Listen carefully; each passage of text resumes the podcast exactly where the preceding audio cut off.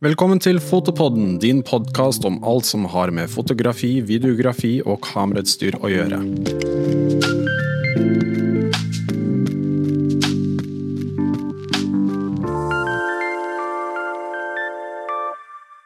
Dagens gjest er Thea Einarsson, som for tiden lager en dokumentarserie om seks jenter som jobber selvstendig i den kreative bransjen. Hun dokumenterer reisen hennes på Instagram på jentersesong-1, som var der vi først fikk vite om prosjektet. Hvordan Thea jobber, hvilke profiler hun følger, ideen bak serien og mye mer skal vi snakke om i dag. Velkommen, Thea. Tusen takk. Før vi begynner med selve prosjektet, så må du introdusere deg selv litt. Grann. Jeg eh, kommer fra Larvik. Eh, Jeg har studert, og bodd i Oslo eh, de siste ti årene. Eh, Studert skuespill, og så eh, film. Film begynte jeg med fordi jeg eh, syntes det var så eh, dumt å måtte vente på at alle andre skulle avgjøre eh, om jeg var god nok til å bli kasta i deres filmer. Eh, Så jeg savna å ha den muligheten til å avgjøre egen karriere. Så da begynte jeg å studere film litt sånn motvillig, egentlig. Og så ble jeg eh, veldig overraska over hvor gøy jeg syntes det var, hvor givende det var. Så da eh, fokuserte jeg på manus og regi. Eh, ble ferdig, og jeg skjønte når jeg kom ut, hvor lite jeg egentlig visste. Eh, så da begynte jeg å frilanse i TV og reklame. Og så dro jeg et år til Australia for å eh, gjøre noe som var det skumleste jeg kunne komme på. uh, for å kunne klare å gå såpass langt ut av komfortsonen at jeg kunne mm, finne ut av hva mitt kunstneriske uttrykk var. da. Og så begynte du på dette prosjektet her. Eh, når da? Hvordan kom du på ideen om å lage en dokumentarserie? Jeg, I Australia så uh, hadde jeg tatt med Jeg hadde kjøpt et uh, kamera brukt uh, fra Finn. Et Canon 550D. Så det er liksom ikke det feteste. Ja, det er der man starter når man ikke vet noe som helst. Jeg hadde helt som på måfå gått ut og tatt noen bilder rundt i, i Australia. Og så så jeg på dem, og så syns jeg så ble jeg overraska over at jeg syns de var bra. Og de var litt i den dokumentarsjangeren, selv om de var foto. Um, og da bare kjente jeg at det begynte å klikke. At mm, ja, det er noe mer her som er spennende. Og så har jeg alltid vært fascinert av uh, prosesser. Og da særlig fra idé til ferdig produkt. Så det er den som Jeg har lagd, på, lagd noe annet på det før denne serien kom. Så det har nok ligget sånn i bakhodet en god stund. Og så um, Jeg tror jeg, jeg, tror jeg liksom bare hadde ideen en dag. Men det er jo en, en sum av mye, mye, mange andre faktorer underveis, da. Og når du da skulle liksom bestemme deg for å eh, følge visse profiler, mm. var det de som inspirerte deg til å måtte følge dem, eller var det sånn at du nådde ut til noen spesifikke, lette du etter noen spesifikke karakterer? Nei. Det var, øh, det var de. Uh, først så tenkte jeg vel at jeg skulle følge gründere. Uh, og jeg hadde lyst til å ha fokus på jenter. Mye fordi i i musikken med eh, Astrid S, Julie Bergan, Sigrid Det var så mange jenter som gjorde det så bra. og jeg synes det, var så, det var så gøy å se. Um, så jeg tror det var det som dro meg inn på at ja, jeg ville jobbe med jenter. Jeg tror jeg bare uh, starta med uh, Oslo Unbranded. Uh, for det er det eneste av jentene hvor jeg hadde kjennskap til hun ene fra før. og det er også, de er jo ikke bare klesdesignere, de er jo også gründere. Så jeg satte meg inn i det, så kjente jeg at ok, må, det må handle om kreativitet. Og det å jobbe selvstendig i det kreative yrket. Og så, bare, så hadde jeg øyne og ører åpne, og så ja, fant jeg vel jentene etter hvert gjennom sosiale medier. egentlig. Eh, vi skal gå litt gjennom de du eh, følger, men først så må vi liksom presisere at det, dette var noe du begynte på på egen hånd, og så kom liksom eh, finansiering og sånt etter hvert. Eh, merket du på en måte med en gang du begynte at folk hadde viste mer interesse for prosjektet? Ja. Når du hadde noe å vise til? Ja. Um, for det, jeg visste at jeg uh, ikke kunne troppe opp hos et produksjonsselskap uh, uten å ha noe å vise til. Um, hadde jeg hatt en imponerende CV med masse produksjoner på TV fra før, så hadde det vært noe annet. Um, men hvis jeg bare hadde kommet opp med, en, med pitchen her, så uh, er det jo veldig lett for dem å spørre seg selv hvorfor ikke de bare skal gi den ideen til noen andre som de vet har gjennomslagskraft. Um, så da uh, bestemte jeg meg for å ta en streit uh, 8-4-jobb, jobbe i barnehage i et år. Og så jobbe dobbelt, da. Filme ellers. Um, og så bare være naiv nok og tøff nok til å tro på at jeg skal klare det. Og da, når jeg ser tilbake på det nå, så jeg det, skjønner jeg ikke helt åssen jeg orka det. Men uh, det er noe når man står i det. Så, så det, var så, det var så viktig, da. Det ble liksom så mye større enn en meg. Og så merka jeg Jeg har aldri fått så mye positiv uh, tilbakemelding og interesse og nysgjerrighet på et prosjekt før. Så da skjønte jeg at ok, men her er det noe. Fordi folk blir jo nysgjerrige. Um, da, og det merka jeg også når jeg kom til møtene med produksjonsselskapene. At de, det var ikke vanskelig å få den respekten og autoriteten man fortjener da, når man kommer inn og har jobbet mye, for man hadde det å vise til. Så da, først da, eh, fra, fra, et halvt år siden, så jeg, har jeg turt å kalle meg selv regissør. Det er først nå. Kult. Skrive det på mailen og sånne ting. Sånn ja. ja, for tidligere så har jeg bare Nei, så har jeg tatt bort igjen. Backspace. Men jeg har så mye respekt for den profesjonen. Ja, det er så lett å kalle seg fotograf eller regissør, og så bare eh, Uten å liksom kanskje egentlig ha noe innsikt. Ha, for det er så vanskelig. Det er så, det er så, utrolig vanskelig å drive med det, og det er så mye du må lære deg. Så ja, først nå, altså. Med tanke på at du filmer og, og, og redigerer og sånt alt selv, hvilke positive og negative aspekter er det ved å liksom være sånn one person crew, da, som man kaller det? I starten var det veldig befriende å bare være igjen, fordi jeg går på min egen klokke, kunne bestemme alt sammen selv. Jentene eh, hadde bare én person å forholde seg til, eh, så det var mye lettere å koordinere alt sammen. Men uh, etter hvert så ble, når prosjektet ble større, og vi liksom var et halvt år uti det, så, så, ble det veldig mange oppgaver jeg skulle ta meg av. Så det ble, slitsomt, liksom. Uh, og så er det jo ingen hemmelighet at et prosjekt alltid blir bedre når man sparer med andre. Så jeg merka, Og det er mye jeg ikke kan. Den økonomiske biten, f.eks. Uh, produsentbiten. Uh, det er ikke det jeg er best på. Så målet var jo hele tiden å få inn det. Um, så det, er, eh, det har vært viktig. Og nå er prosjektet Nå har jeg jobbet med et produksjonsselskap i en to måneders tid. Eh, gjør oss klar til å sende inn en ny pitch nå til kanaler. Eh, og det har aldri vært bedre enn det er nå. Og det er jo fordi jeg har hatt folk å jobbe med. ikke sant? Folk, og da må man tørre å, tørre å være åpen for at folk skal utfordre prosjektet ditt. da. Jeg så jo på Instagram-profilen som dere har på prosjektet, mm. at dere fikk eh, penger, støtte, mm fra Solofondet, var det det? Ja. Fortell litt om den søknadsprosessen hvordan du fant det, og liksom, hvordan det er. da. Ja. Eh, ja, for det er en veldig stor del av gamet. er jo At du må få eh, inn penger. Um, det er nå jeg lager dokumentar, nå som jeg jobber fulltid. Um, så Solofondet hadde jeg aldri hørt om. Uh, de, det, og det er det mange andre som ikke har råd, tror jeg. Men de har hatt en pause på 15 år, så det er nok derfor. Det var en venninne av meg som hadde på en podkast hørt en reklame Eh, for eh, Solofondet. Eh, at hvis du hadde lyst til å gå solo og hadde en egen idé som, som, du trengte hjelp til å, å, få gjennomført, så burde du søke det. Så hun nevnte det en sånn bisetning til meg, og jeg bare hm, ja, greit, jeg kan sjekke det. liksom. Men jeg hadde ikke, jeg hadde ikke helt trua på det, for jeg hadde ikke hørt om det på skolen. Og så eh, sjekka jeg ut det, men søknadskriteriene så må du være mellom 15 og 25. Eh, det er jo jeg gått forbi. eh, så, men eh, Lotte i serien Eh, er den yngste, og hun eh, er eh, innafor den rekkevidden. Og det er helt kult, da. Og så lenge ansvarlig søker er ung nok, så er det litt sånn samme at jeg er 30, liksom. Så da søkte jeg, jeg og eh, Frida, som er produksjonslederen, tar seg av det økonomiske. Hun satte budsjett, lagde det. Hun utlyste, Jeg spurte om hjelp på Facebook i en gruppe der, og så svarte hun det. Så det var veldig ålreit. Og så skrev jeg alt det andre. Søknad, selve søknaden. og ja, reginotat osv. Og, og så gikk jeg inn og så på uh, juryen, fordi det er ungdommer som sitter i juryen. Um, og så er det de som sitter øverst i Solofondet, som har liksom siste ord. Men det var veldig ålreit, for da kunne man gå inn og se på hva det var de ungdommene var interessert i. Um, og så kunne jeg se at ja, men dette prosjektet her er jo noe jeg tenker de har lyst til å se. Så vi, da kunne jeg liksom rette søknaden litt mot dem. Uh, så vi søkte både på Solfond og Fritt Ord samtidig.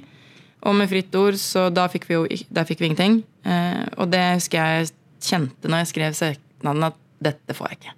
Jeg kjente at jeg liksom dro det over for å få det til å passe inn i kriteriene.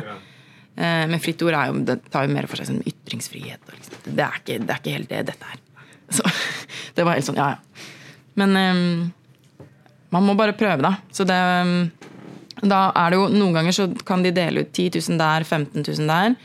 Og i litt mer sånn sjeldnere tilfeller, som jeg forsto det som, så kan du få hele potten, da. Og det gjorde vi. Kult, da. Ja. Hvordan var det den dagen? Det, da var jeg på sett. Eh, Da filma jeg Emilie, for hun var på sett. Hun eh, hadde regi på en kortfilm. Eh, og så ringte Lotte meg. Eh, da hadde jeg glemt å skru på lydløs på mobilen, så jeg ødela for hele settet. Så jeg var den dusten der hvor det, hvor det ringer. Men, eh, ja. eh, Så jeg ja, gikk ut for å snakke med Lotte, og så sier hun 'få tak i noen som kan filme deg'. Og jeg bare hva, hva er det du mener? Det er jo ikke sånn vi lager den dokumentaren her, liksom. Eh, og så, eh, men hun insisterte på det. Jeg skal si noe, og vi må få med reaksjonen din. Så jeg tenkte ok, nå har hun blitt signert av et stort plateselskap. Nå har det skjedd noe som er helt utrolig stort.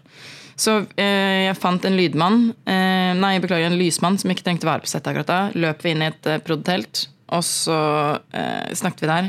Og da sa hun det på høyttaler på telefonen. at Vi hadde fått 100 000. Så gøy. Ja, det var helt det er, det er den rareste, villeste reaksjonen jeg opplevde. Mm. Var, jeg visste ikke hvordan jeg skulle ta det. Jeg, du vet, når du hører noe, så, og så tror du ikke på at du har hørt det, så det blir sånn rar sånn, du Nesten så du opplever det sånn ekko, litt sånn hult altså, det, var helt, det var så stort. Det var så stor opplevelse. Jeg husker det samme. Det var en, en produksjon jeg søkte støtte på. Ja. Og så fikk jeg det på mailen at penger innvilget. Ja. Og jeg trodde det ikke. Nei, det det. Jeg måtte lese det igjen og igjen. og igjen og sånn, Jeg tror jeg ringte til og med bare for å bekrefte. Mm. Sånn, er, er dette sant? Ja, jeg altså, jeg altså ringte i etterkant for å takke, da. Eh, og det også er veldig viktig, føler jeg. Å snakke, for det er jo mennesker som da tror på ditt prosjekt, av mange som har sendt inn. Det er jo kjempe, kjempestort. Så det, er- ja, det, det er viktig, da, at man gjør det. Når du får støtte eh, fra en jury da, som tror på deg, sånt, er det en motivasjon, eller er det mer en frykt som oppstår da? Hvor de bare Ok, nå må jeg faktisk levere noe. Mm. Fordi de setter jo visse krav Ja, på levering. Det er sant. Eh, jeg bare kjente en, sånn euforisk lykkefølelse. Jeg begynte å gråte med en gang. Var, det, er, eh, det der var det første eh, steget hvor jeg eh, var på vei til å klare det, liksom. Det er første gangen jeg har fått støtte. Det er første gangen jeg kan stå selvstendig. Jeg har eh, i, I så mange år så har jeg jobba så lenge for å finne ut av hvor jeg er god. For jeg har, liksom, jeg har skjønt fra jeg var liten at det er, det er kreativitet jeg skal jobbe med. Jeg syns kunst er kjempespennende. Og så har jeg liksom vært litt god på noe, men jeg har, ikke, jeg har liksom aldri helt klart å finne akkurat min signatur. Inntil jeg så de bildene nede i Australia i 2016 hvor jeg bare Oi, her, her er det noe, da. Så det, ja, For meg så var det bare sånn, nå får jeg lov, etter alle de årene som jeg jobba som bartender og servitør og i barnehage, og jobba dobbelt og tjent kjempedårlig, liksom. Altså, jeg tror ikke jeg har nådd 300 000 i året engang. Så uh, nå fikk jeg endelig uh, Nå får jeg lov til å gjøre det jeg elsker, og det er Jeg våkner hver dag og er ekstremt lykkelig, så jeg unner unner alle å ha det sånn, da. Å ja, absolutt. Det har jeg også alltid reklamert mye for. da. Ja. Det å på en måte kunne jobbe, finne det du liker å gjøre, og så jobbe fram til du klarer å leve av det. Ja, og det er så, det er så vanskelig noen ganger. Og det er, jeg har sett folk løpe, løpe forbi meg, da, eh, som er så flinke. Eh, og har funnet sin eh, sjanger så tidlig. Eh, og så har jeg liksom vært sånn, men hvordan, Hva er det du gjør? Hvordan har du fått det til? Og så jeg, var jeg liksom opptatt av å spørre alle andre hvordan fikk du det til. Eh, eh, hvem snakket du med? Akkurat som om det å kopiere andres suksess skulle fungere for meg. Og det er det jo ikke. Så jo fortere man forstår det, jo lettere kan man kanskje finne sin egen stemme, da. Ja, man, kan, ja, man ender jo ofte opp med å se på andre og liksom sammenligne seg selv, men det, det er liksom ikke noe én riktig vei å gå. Det er det som kan være litt frustrerende også. Men Ja. når du først liksom finner din greie, så er det veldig Det er en veldig fin følelse, da. Ja, og da er det lettere å, å klare å se på andre også, heller bli inspirert. Sånn at det skal være en, sånn- det skal være en positiv eh, greie å henge med flinke folk. Man skal ikke føle at man kommer, kommer til for kort, da. Vi kan jo snakke litt om de jentene som du faktisk eh, eh, følger. Ja. Eh, vi har jo Jeg har skrevet ned navnene her, så kan du liksom bare snakke litt om dem. Mm. Hvor kule de er og sånne ting. Vi eh, kan begynne med Emilie Beck, Ja. som er regissør. Eh, og hun så jeg nettopp fikk eh, skulle, Utviklingsstøtte fra NRK. Utviklingsstedet fra NRK. Ja. Og hun kjenner jeg litt, hun er jo veldig flink. Så det var jo på tide at noen Ja. begynte å følge henne. Eh, hvordan møtte det henne, og liksom, hvordan er det å filme henne? Og hva, hva er liksom storyen der? Jeg møtte Emilie for og det er mange år siden, det er over ti år siden. Um, helt tilfeldig. Vi er fra Vestfold begge to, men forskjellige byer. Uh, men vi møttes på sett på en reklame, nei, en kortfilm som Kristoffer Joner hadde regi på. Og jeg var jo der og var helt starstruck av Kristoffer Joner og syntes det var kjempekult å være statist. Og, da, og da møtte jeg Emilie. Og hun hadde jo allerede gjort spillefilmer. Uh, og jeg husker hun sa til meg sånn Nei, det er hyggelig å liksom bare hjelpe Kristoffer og bare være her. og jeg bare Å ja, ja, ikke sant? Det er ålreit. Så da, da turte ikke jeg å si hvordan jeg følte den dagen var. Men jeg husker at jeg, eh, jeg var så fascinert av henne allerede da, for hun har et så vinnende vesen. Og hun er så engasjert. Det har hun bare alltid vært i det hun driver med. Og så var jeg så utrolig imponert over hvor langt hun hadde kommet allerede da. Og så, så, jeg klarte Og jeg kan ikke huske at jeg gjorde det, men jeg, jeg fikk Facebooken hennes. hvert fall. Så jeg har liksom sniket til meg den, og så tror jeg bare kjente at å, dette er bra for networking, eller et eller annet. Mm. Og så var det jo bare å ta kontakt med den da, senere på, på Facebook. Ja. Og hun sa ja med en gang? Og... Ja, Først så sendte jeg jo faktisk en, den første piloten. Eh, sendte jeg til henne. Eh, det var første gang vi sendte rundt eh, selskaper hvor det ikke beit på. Eh, hvor jeg fikk en sånn kjempelang tilbakemelding, så jeg spurte om gidder du å bare se på den, for du har så mye erfaring. Um, og da fikk jeg en kjempelang uh, A4-side tilbake, så hun hadde liksom giddet å sette seg inn i det. Ja, Så det sier mye om henne. da. Hun er interessert og investert i det faget. Mye, mye kunnskap. Så det um, Ja, det er på tide at ikke hun har blitt plukka opp før. Er, uh, ja, ja, ja, absolutt. Ja. Det er veldig kult. Og så har vi Lotte. Mm. Lotte Solli som var artist? Ja. Hun, eh, hun eh, bare ramla jeg innom eh, på sosiale medier. Det er jo felles venner her, og litt, litt sånn via via, uten at jeg noensinne har møtt henne. Men broren hennes er jo en kjent fotograf, så det er nok litt sånn Algoritmene har sikkert ført de Instagram-profilene sammen sånn sett. Men hun Da den, hadde hun lagt ut en låt på norsk um, som jeg gikk inn og hørte på. Og da husker jeg bare fra den første sekund at jeg um, Jeg bare stoppet opp med alt jeg drev med, for det var noe med stemmen hennes som bare som fanga meg med en gang. Og det er litt det samme med Emilie og med alle de jentene her. De hadde et eller annet som bare tok tak i meg på en eller annen måte, sånn instinktivt med en gang. Uten at jeg helt skjønte hva det var. Men, det, men når du ser noe, så tenker du 'Å, det her! Her! Det er noe!' Jeg vet ikke helt hva, men jeg må gå inn og undersøke mer. da. Og så til alle jentene så ligger det så mange lag, det er så mange dimensjoner, da. Um, som støtter opp under talentet deres, uh, dedikasjonen. Um, at det var, dette måtte jeg inn og utforske, da. Og så var det Oslo Unbranded, som var de du begynte med? Forstår? Ja, det var de første. Um, da, som de driver med klær og sånn? Ja, de er uh, gründere for at de har startet og driver Oslo Unbranded, som da er et klesmerke. Så det som fokuserer på bærekraftighet og være miljøvennlig, og det er, er jo ikke Kan jo være litt ironisk når man snakker om klesbransjen i seg selv, så det er det de er interessert i. da, Å bli med og forme og endre klesindustrien til det bedre.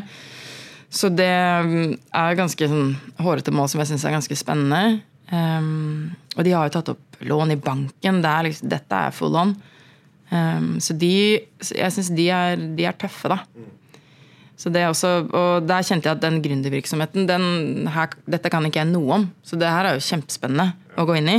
Eh, for det, det er litt sånn egosentrisk for min del òg, at jeg har muligheten til å lære så mye. Jeg får gå inn som dokumentarist, da, så får jeg gå inn i verdener som jeg syns er spennende, men som Jeg har jo ikke noe i musikkverdenen å gjøre. Jeg kan jo ikke noe der. Men nå har jeg lov. Nå har jeg muligheten til å gå inn via disse artistene, og så bli kjent med deres miljøer. Og, og så forhåpentligvis kan bli med og bidra til å løfte de, da. Du må jo være nysgjerrig som en regissør på ja. hva du filmer, selvfølgelig. Ja, og da, ikke sant? du lager et bedre produkt når du er oppriktig interessert og fascinert. Så er det Maiken Nilsen. Mm. Det var eh, eh, fra Toppmodell, eh, for, og det er mange år siden, eh, da det kom ut. Da var hun 18, tror jeg. Eh, nå er hun 28.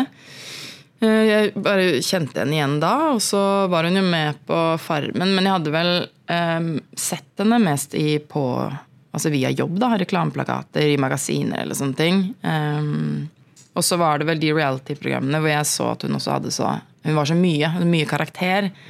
Så det var, var sånn spennende å se uh, prøve å bli kjent med henne. Um, så hun var uh, Jeg tok kontakt med henne først. Jeg skrev en mail. Uh, fikk ikke noe svar. Sendte en uh, melding på Instagram. Men hun fulgte jo ikke meg, selvfølgelig. så da havner den jo i den ukjente innboksen og blir bare borte med alt annet spam og andre folk. Så jeg Men jeg bare ah, jeg, jeg må komme, i hvert fall komme i kontakt med henne. Fordi denne ideen er så bra at hun må jo bare si ja. Så hun må i hvert fall høre den. Jeg må bli hørt først før jeg får et nei. Også, men hun, hun, Jeg fikk jo ikke noe svar, hun hadde ikke sett det. Og så ser jeg at uh, Niklas Nix Hammer heter han vel på Instagram, tror jeg. Han som er med i Broslo. Eh, jeg kjenner han ikke, men vi har bare liksom pratet litt på Instagram. så jeg så at de var på fest sammen i Los Angeles. Så greit, nå ikke ha noe skam til, og skriv til han. og så skrev jeg til han sa jeg ser du er på fest med Maiken. Jeg, jeg, har sendt henne en mail. Kan du være snill prikke henne på skuldra og, og, si at det må hun lese? Det handler om en dokumentar. Og da gjorde han det, og så fra det så fikk jeg, fikk jeg svar en time etterpå. Hei, Thea. Vi tar dette på nytt. Ja. Kult. Så man må ikke gi seg, da. Nei, nei, nei. Det er det som er viktig. Nei, Jeg liker det. Det er pågangsmot. Det er veldig, veldig bra. Kristine Balk, det er siste. Ja, hun, var, hun tok jeg pressebilder for til et singel for to år siden eller noe. Og det igjen stamma fra at jeg hadde Da hadde jeg jobba på restaurant eh, før jeg hadde kommet på den ideen her. Og eh, så en fyr som Da drev jeg og jobbet og tok en del bilder i studio. Jobba med del som motebilder og sånn. Da eh, var det en fyr som jobba i en barnehage rett ved. Som hadde sånn type eh, kommersielt utseende. Og jeg kjente at han har jeg lyst til å snakke med. Veldig mange av de jeg har jobbet med, har jeg alltid bare gått bort til eller tatt kontakt med på, på internett. Eh, så jeg bare lente meg over gjerdet og ropte sånn 'Hei, unnskyld!' over alle barna. Og jeg husker at han var litt sånn eh, At han liksom ikke ville si hei tilbake. Men han gjorde det, da. Og så spurte jeg, og de fleste sier jo ja til å bli tatt bilder av. Eller, for det er jo smigrende, tror jeg, for mange, da. Mm. Så er eh, Poenget med det er at kjæresten Hanses hun jobber i plateselskapet som representerer Kristine Balk. Ja. Så da tok hun kontakt med meg på den måten. Så da jobbet jeg med henne. da, og så ja, så er det resultatet av det. Så det er jo enda et eksempel på at det er viktig å tørre. Mm. For det er ikke sånn at jeg ikke syns det er skummelt å gå bort til folk jeg ikke kjenner og spørre om sånt, og så bare håpe at de syns jeg er god nok. Ja. For den tvilen på å være god nok er jo den som er der hele tiden når du jobber kreativt. ikke sant? Men jeg har ikke noe å tape på det. Eller, altså, det er, hvis jeg ikke gjør det, da har jeg tapt. 100 og jeg, jeg, tenker også det er sånn, litt sånn rød tråden her også viktig måte, at, folk vet hva du driver med. Og at du anerkjenner deg selv som at bare sånn, jeg jobber som fotograf. Ja. Og da liksom, det er det folk assosierer deg med. Mm. Så da, når de da mm. tenker på at de trenger en fotograf en eller annen gang, så er det liksom ditt navn. Men hvis du holder det skjult ja. og ikke sier det ut at dette er det du driver med, så vil du aldri få det. Men det er, det er, mye, det er liksom en rød tråd med sosiale medier her. At du kommer i kontakt med folk på den måten?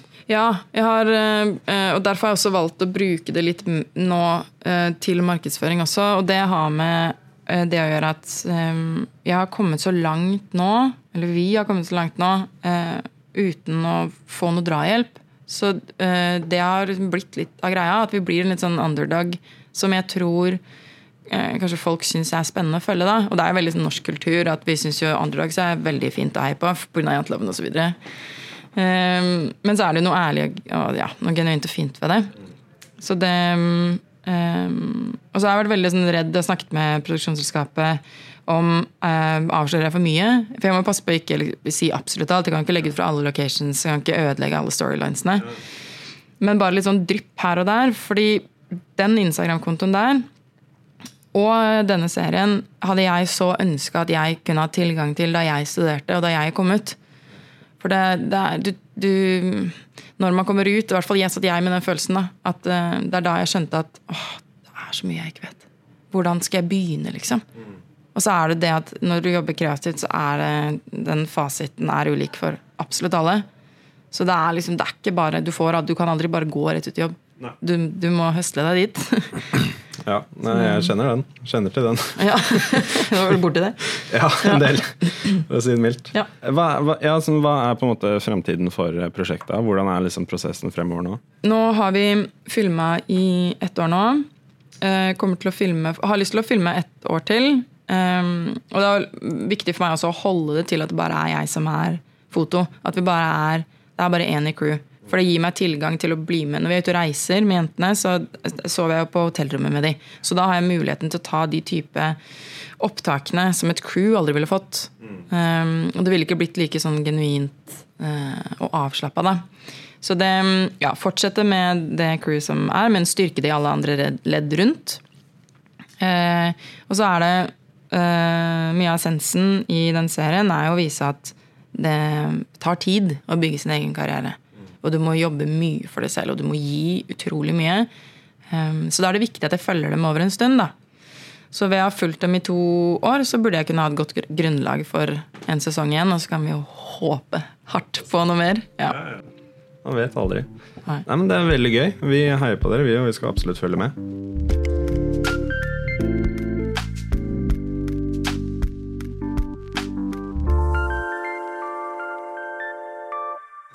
Vi skal over på ukens anbefalinger. Det er en sånn spalte som vi har fast eh, hver uke, hvor eh, vi kommer med anbefalinger til lytterne. Det kan egentlig være hva som helst. Det kan være en Instagram-konto, en eller annen regissør, en fotograf, en podkast. Egentlig hva som helst. Har du noe du ønsker å anbefale folk?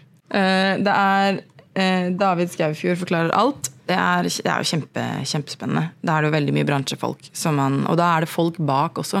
Og det er det som, er, som jeg syns er spennende. Det er, det er, viktig å vite liksom, hvordan, blir, hvordan, produkter blir laget. For, for det er veldig lett å bare se på stjernene foran, men de har jo fått hjelp av et helt crew bak. da. Og det er jo mye det, er det samarbeidet som er kunsten i seg selv. Ja, det, vi, vi, skal linke under til podkasten. Ja. Absolutt. Jeg ønsker i hvert fall å anbefale um, Jeg brukte søndag kveld på å se en YouTube-video på en time som er laget av Joakim Kleven, som snakker om sitt prosjekt som heter Generation 2.0. Som er litt i den samme sjangeren, at han vil liksom gjøre det kult å ha en stemme og, og fremme unge talenter. Ja. Så han gjør det på sin plattform. Så man burde absolutt sjekke ut uh, hans prosjekt og alle profilene han intervjuer også. Det var egentlig det. Uh, tusen takk for at du kom innom. Tusen takk for at du ville ha meg her. gleder vi oss til å se dokumentarserien. Ja. Absolutt. Og eh, ta og gjerne og følg oss på alle sosiale medier, og så ses vi neste uke i en ny episode.